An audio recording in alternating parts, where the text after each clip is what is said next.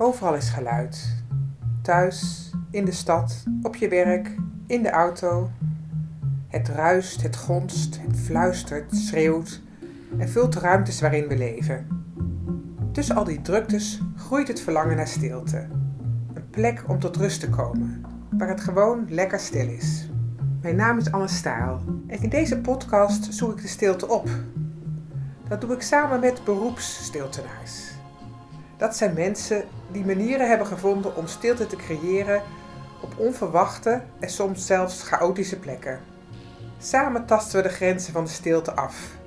Waarom doen we zo moeilijk of juist zo makkelijk over stilte?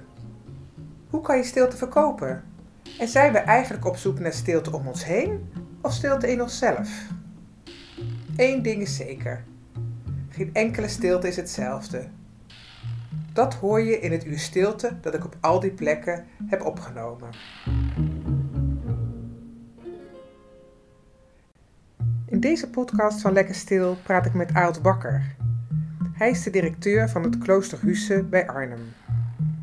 Het is een prachtig klooster waar mensen tot rust komen. Het is ook een drukke plek om te werken als directeur. Nou, het is uh, stilte. Met Aalt.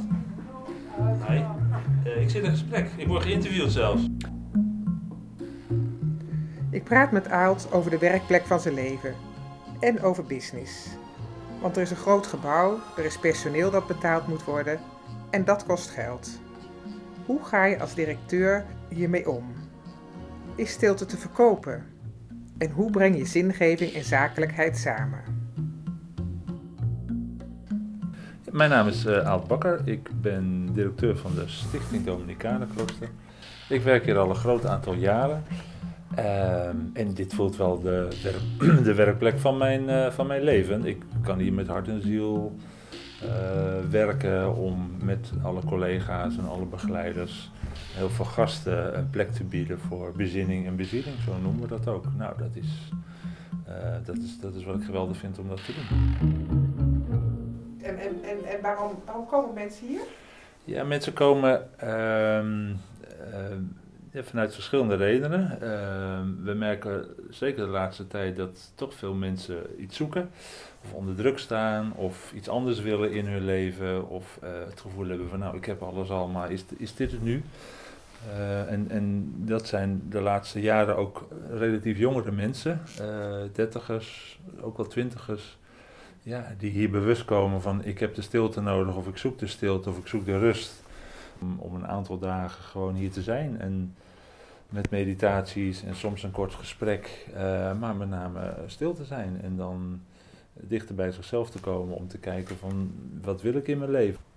Wat ik mooi vind om te merken is dat uh, ik toch vind de laatste anderhalf jaar dat, dat verstilling of zin, of hoe je het ook noemen wil, dat dat, dat dat veel meer geaccepteerd is om dat op werk te doen, of met je collega's te doen, of met een team te doen. Of dat, en dat je dat ook samen doet. Uh, ik merk dat dat gewoon steeds meer geaccepteerd is, of mag, of kan, of hoe je het ook noemen wilt. En dat dat daarvoor toch een beetje, een beetje lastig was. En dat, dat, dat mensen dan eerder uitgelachen werden, bij wijze van spreken. En nu is het veel makkelijker dat mensen dat samen komen doen. En als hier twee, drie dagen zijn, dat dat gewoon onderdeel is van, van het programma. Er zijn wel meer mensen uit zorg, onderwijs en welzijn, merken we, die hier komen in ieder geval. Maar we merken wel meer dat dat, uh, dat, dat ook op het werk of in het werk gezocht wordt uh, met collega's en met mensen. Nou, dat vind ik wel een hele mooie ontwikkeling. Want dat was de vorige jaren, vond ik echt anders. Dan kwamen hier individuen, soms ook mensen die zeiden van, ik heb mijn collega's niet verteld dat ik in het klooster ben. Ik ben voor een cursus, hè, dat is dan veilig. En klooster moet je uitleggen. Nou, nu is het toch meer geaccepteerd, lijkt het. Dus dat is, dat is toch wat minder belast of zo. Dat voel ik en dat merken we hier in ieder geval. En, en hoe vinden ze hier de stilte? Nou, door, door uh, deel te nemen of aan programma's, maar ook om hier een plek, een kamer te huren, zeg maar, en hier te zijn. En juist niks te hoeven, niks te willen, mee te gaan in het ritme met de vieringen, de maaltijden op vaste tijden, een gesprek, een meditatie en, en verder eigenlijk niet zoveel. Kan iedereen stil zijn? Lukt het? Ja, dat is een goede vraag, want dat is, dat is, daar hebben mensen niet zo'n beeld bij als je dat nooit gedaan hebt. En, uh, mensen schrikken ook. Want ja, wie kom je het eerste tegen als je stil bent? Jezelf. En dat zijn niet alleen maar leuke, vrolijke, eh, gelukkige gedachten. Dat zijn ook eh, onrustige dingen of vervelende dingen die, in je, die bij jezelf komen. Dus dat, is, dat betekent nogal wat om stil te zijn. En dat is niet makkelijk. En ehm, dat is ook wat, wat, wat we proberen te helpen. Dat, dat, eh, dat je die stilte wel op een goede manier ingaat. En niet meteen te diep van druk naar helemaal, helemaal niks. Want dat, is, dat kan ook wel heftig zijn voor sommige mensen. Dat is, dat is best intensief. Ik heb het zelf ook een aantal keren gedaan. Vijf dagen echt stil, het dag en nacht stil. Nou, dat is, dat is geen... eh eh ja, misschien ben even geen netjes woord te winnen, maar dat is niet niks. Ja, dat is niet niks, nee. Ja, Nee, en dat merken we ook. En, en tegelijkertijd zie je ook, dus vind ik zo prachtig, mensen komen dan binnen en ja, je, je, voelt dat ze gewoon bezwaard zijn en dat, ze- dat ze een last meenemen het klooster in. Ja, en dan zie je ze een paar dagen en dan, dan zie je ze natuurlijk op sommige momenten, dan merk je echt hoe ze, hoe ze tot rust komen en hoe ze loskomen van hun eh, last en hoe ze dan ook ja, wel weer, tot zichzelf komen. Dat is mooi. En tegelijkertijd de laatste ochtend is ook al wel weer richting teruggaan naar huis. Dat, dat is ook wel boeiend om te merken. Dan denken, er zijn mensen niet meer in het hier en nu, maar dan zijn ze al aan het denken van oh, straks weer thuis, weer kinderen, weer werk. En dan denken ze alweer aan de berg, zeg maar, waar ze, waar ze weer voor staan. eh, je zegt je, je voert gesprekken met ze, maar zijn er nog andere dingen wat behulpzaam is voor de mensen als ze hier zijn om die stilte te ervaren? Ja, we, we, ehm, nou, de viering, het ritme van het klooster is denk ik wel heel belangrijk, de vieringen. En, en het feit dat er gewoon op vaste tijden maaltijden zijn, dat geeft een ritme aan de dag. Heb je toch zes momenten met eten en vieringen, dat dat voor iedereen er is. We mediteren op sommige momenten met ze, gewoon korte, simpele ademhalings- of, of eh, eh, bewustzijnsoefeningen. Stiltewandeling met een, met een tekst. Eh, ga maar met die tekst met jezelf in gesprek. Dat zijn vormen die we dan aanbieden om ja, zo'n dag in te vullen en, en op een goede manier bezig te zijn eh, met elkaar. En ook om te zorgen dat ze niet met elkaar gaan babbelen, niet dat je weer boeken gaat lezen. Dat is natuurlijk ook prima ontspannend, maar ja, dat verstoort ook een beetje de stilte. En als je gaat babbelen dan eh, tijdens de maaltijden, ja, dan, dan ontstaat er ook weer iets. Dan ga je vragen, wat doe je en eh, wat voor baan heb je, hoeveel kinderen heb je. Nou, dan heb je, dan heb je net het gesprek wat je niet wilt in de stilte. Dus dat, dat is, ja, dus toch wel wat structuur in die stilte. Dat proberen we wel aan te brengen. Ja, oh, dus de maaltijden zijn stil ook. Ja. Samen eten is in stilte is best lastig. dus dat is wel een ding wat mensen soms ook een ongemakkelijk vinden. Nou, prima, dat ongemak is ook wat erbij hoort. Maar het is ook niet zo rigide dat het moet. Maar we kijken in die zin wel wat past. En, eh, en soms ga je ook zingen met elkaar. Of ga je even bewegen met elkaar. Even gek doen in stilte met elkaar. Dat is een beetje proeven van eh, wat heb je nodig om uit je hoofd te komen. En wat helpt. Dus dat is ook een beetje zoeken wat er met een persoon of met een groep is. En soms ga ik dan wandelen of, of eh, nee, ik ga niet dansen zozeer, maar dat doen dan collega's om gewoon maar even uit, uit je kop te komen. Nou, telefoon is natuurlijk ook een ding. Wat doe je met je telefoon als je hier vijf dagen komt? Ja, ja, nou, die heb ik nodig omdat ik op tijd op wil staan. Ja, maar dan ga je toch ook weer even je appjes en zo bekijken. Nou, is het dan niet handig dat je een wekker van ons krijgt en dat wij je telefoon... Nou, dat soort dingen proberen we dan niet op te leggen, maar wel te bespreken. Van nou ja, benut ook dat je hier bent en kom ook in de stilte. En wat ik ook nog gaaf vind, we, beginnen dan en we vragen niet, ik ben eh, leraar en ik ben 50 en ik heb drie kinderen en ik woon in Amsterdam. Maar dat, dat doen we bewust niet, in zo'n groep. De vraag alleen, wat breng je hier? Dat, dat we dat delen en verder niks. En dan vind ik het altijd zo fenomenaal hoe die mensen op de laatste maaltijd mogen ze dan altijd praten. Hoe ze, wat, wat voor verbinding ze dan met elkaar voelen, die niet in woorden gaat. Dat vind ik altijd zo mooi. Dat gaat dan op andere manieren. En dan voelen ze gewoon vrienden eh, contact met elkaar. En dan hebben ze, nou, hebben ze amper wat gewisseld. Wat komen mensen dan eigenlijk... het- Komen ze dan eerst die donkere kant van zichzelf Ja, tegen? Is dat ja. eigenlijk toch wel wat het eerste gebeurt? Onrustige kant soms. eh, Ja, de dingen die ze, die ze weg hebben gedrukt of waar ze geen ruimte aan hebben gegeven. Er komt ook verdriet inderdaad wel los. Ja, niet meteen altijd als eerste. Maar soms is er wel één of twee dagen nodig om dat te doen. En eh, ja, de derde dag is er dan wel vaak een soort van verandering of een doorbraak. Of dan kom je ook in andere eh, eh, gebieden. Dus dat is ook een verandering die je ziet. Maar de eerste of de tweede dag is er ook wel donkerte. Ja, verdriet en, en onverwachte dingen ook voor mensen. Nooit gedacht dat ik daar nog zoveel emoties bij zou voelen. Dat is, eh, dat is ook wat er gebeurt. Dat is allemaal niet bedacht. Nee, Ja. nee. Ja, ja, dat, komt, dat, komt, ja, het komt gewoon, het ontstaat. Ja. Als het over stilte gaat, hè? Ja. eh, een andere vraag. Hoe, hoe druk mag de stilte zijn?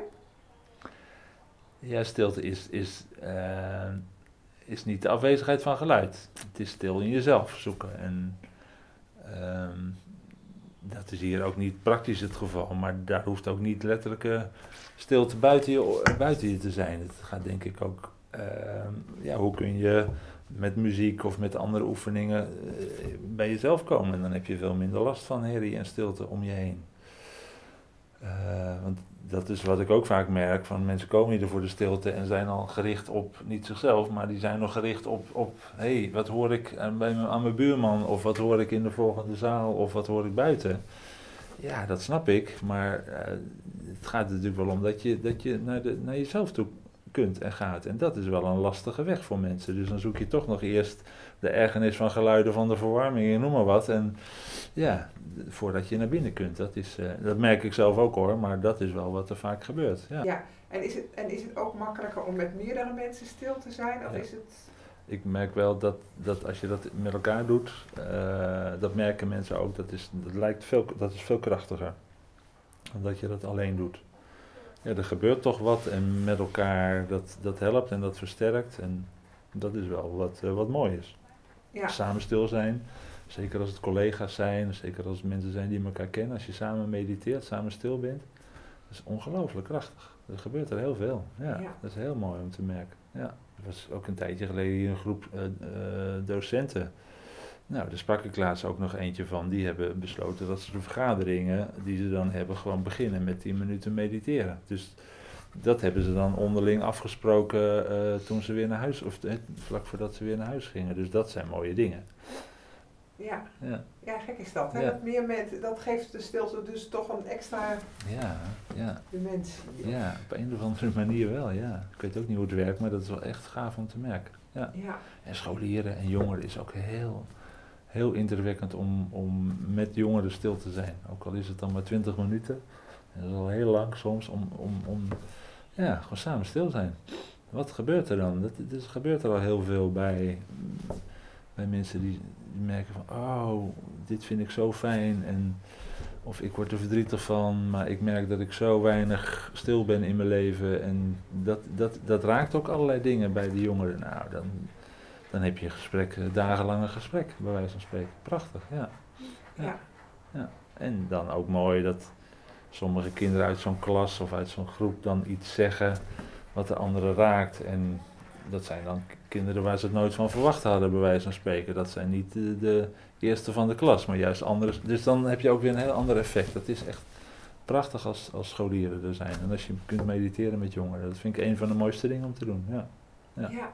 Ja. Ja. grappig hè? Die stilte is zo geweldig. Ik heb het ook moeten leren hoor. Ik, ik doe het ook sinds ik hier werk veel meer. Ik vind het zo prachtig. Ja. Op allerlei manieren stil zijn. Mooi. Ja. Ja. Doe jij dat zelf? Ben jij, Ja, ik, eh, mediteer jij en zo? Of, eh, eh? ehm, ja, ik probeer altijd, s ochtends altijd in ieder geval te lopen. Dus Oh, dat ook, vind ik ook stil Oh, zijn. Zo, tuurlijk, ja. Ehm, en mediteren, ja, doe ik niet zo regelmatig. Ja, zeg niet eh, zeg maar altijd elke ochtend om Nee. acht uur. Nee. Doe het ook, vooral, eh, doe ik ook wel als ik spannende dingen heb. Denk ik, Oh, ja. moet nu ja. even gewoon Oh, ja, aan denken. dat precies. helpt ook. Oh ja, goed. Ja. Ja, dus eh, ja, ik vind het ook wel heel, heel prettig hoor. Om even, en dat zijn 20 minuten op zo'n bankje zitten, is zo anders dan 20 minuten, nou weet ik veel wat. Hangen eh, in een bank of zo. Ja, nee, dat, precies. is, eh, dat is, dat is eh, bijzonder hè. Ja. ja. Dat is echt heel interessant. En je, en je doet het zelf ook wel eens, zo vijf dagen stil. Doe je dat dan als onderhoud of als, als, als je ergens mee zit? Of dat is een moment om voor jou zelf dan? Ehm, ja, ehm, ik ben vorig jaar ook zes weken gaan fietsen naar Rome. Ik, wist, ik wist bij God niet waarom ik dat deed. Ik had geen idee, maar ik voelde wel, dit is goed. Eh, nou, en dat, dat klopte ook. En een aantal dingen van mezelf heerlijk duidelijk geworden. Ik wist niet van tevoren, ik had geen vraag. Nee, dus ik voel wel, eh, ik merk wel dat me dan in het gewone leven, eh, mijn stilte momenten, mijn meditaties, of, ja, als het gevoel hebben van dat lukt dat steeds minder. Dat is dan wel wat ik merk. En dan kom ik tot het idee van voor mij is het goed dat ik dat nu dat ik daarvoor ga kiezen. je dan om nu stiltemomenten op een dag te, Ja. te hebben? Ja, dat lukt me wel. eh, dat, dat probeer ik echt in te eh, plannen. En dat is, eh, of ik ga fietsen, dat, dat blijf ik dan wel doen. Gewoon heerlijk in de natuur. En dat is niet stilzitten, maar dat, dat lijkt er voor mij wel op.